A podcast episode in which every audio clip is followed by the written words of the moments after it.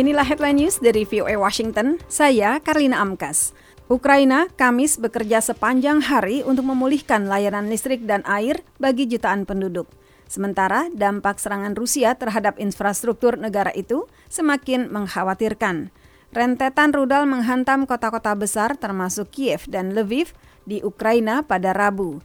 Kamis malam, Wali Kota Kiev, Vitali Klitschko, mengatakan 60 persen rumah mengalami pemadaman listrik.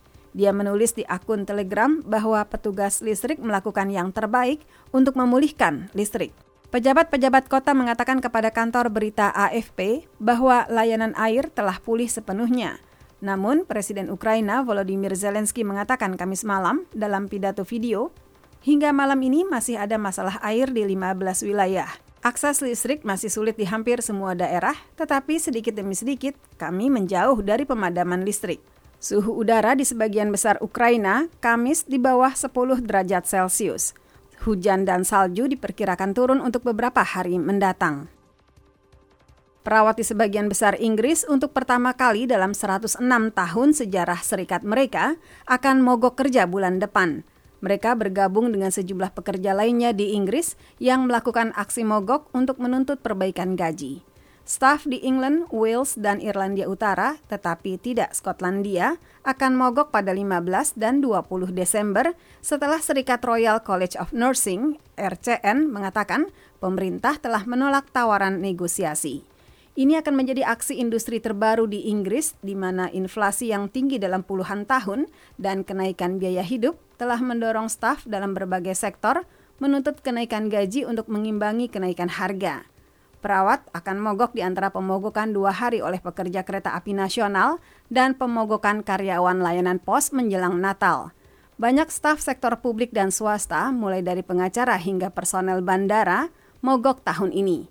Serikat pekerja yang menginginkan kenaikan gaji secara signifikan di atas inflasi mengumumkan awal bulan ini bahwa pemungutan suara dari lebih 300 ribu anggota menunjukkan mayoritas dari mereka mendukung pemogokan. RCN minggu depan akan mengumumkan cabang tertentu dari layanan kesehatan nasional yang didanai negara yang akan terpengaruh oleh pemogokan itu. Inilah VOA.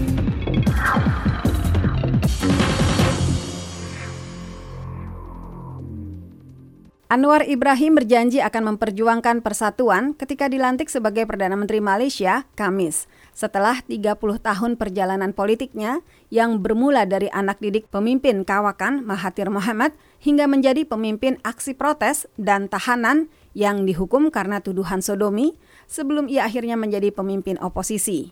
Anwar, usia 75 tahun, berjanji akan memerangi korupsi dan berfokus pada ekonomi Malaysia sambil tetap menjunjung tinggi Islam sebagai agama resmi negara multi etnis itu dan membela hak-hak khusus etnis Melayu. Penunjukannya sebagai Perdana Menteri mengakhiri krisis pasca pemilu selama lima hari yang belum pernah terjadi. Akan tetapi, penunjukannya juga dapat menyebabkan ketidakstabilan lebih lanjut ketika pesaingnya, mantan Perdana Menteri Muhyiddin Yassin, menantangnya untuk membuktikan mayoritasnya di parlemen Malaysia. Anwar mengambil alih kursi Perdana Menteri pada saat yang menantang, yaitu perlambatan ekonomi dan perpecahan bangsa setelah pemilu ketat yang mengadu koalisi progresif Anwar melawan aliansi Muslim Melayu Muhyiddin yang sebagian besar berhaluan konservatif. Flu burung telah memusnahkan 50,54 juta unggas di Amerika tahun ini, menjadikannya wabah paling mematikan dalam sejarah negara ini. Demikian data dari Departemen Pertanian Amerika USDA Kamis. Kematian ayam, kalkun, dan unggas lain itu merupakan bencana kesehatan hewan terburuk di Amerika hingga saat ini, melampaui rekor sebelumnya 50,5 juta unggas yang mati dalam wabah flu burung pada 2015. Begitu seekor unggas dinyatakan positif, seluruh unggas dalam kelompoknya yang bisa melampaui satu juta di peternakan ayam petelur dimusnahkan juga untuk mengendalikan penyebaran penyakit tersebut. Kematian kawanan unggas menyebabkan harga telur dan daging kalkun naik ke rekor tertinggi. Ini semakin membebani konsumen yang kesulitan ekonomi dalam menghadapi inflasi tinggi. Demikian headline news VOA Washington.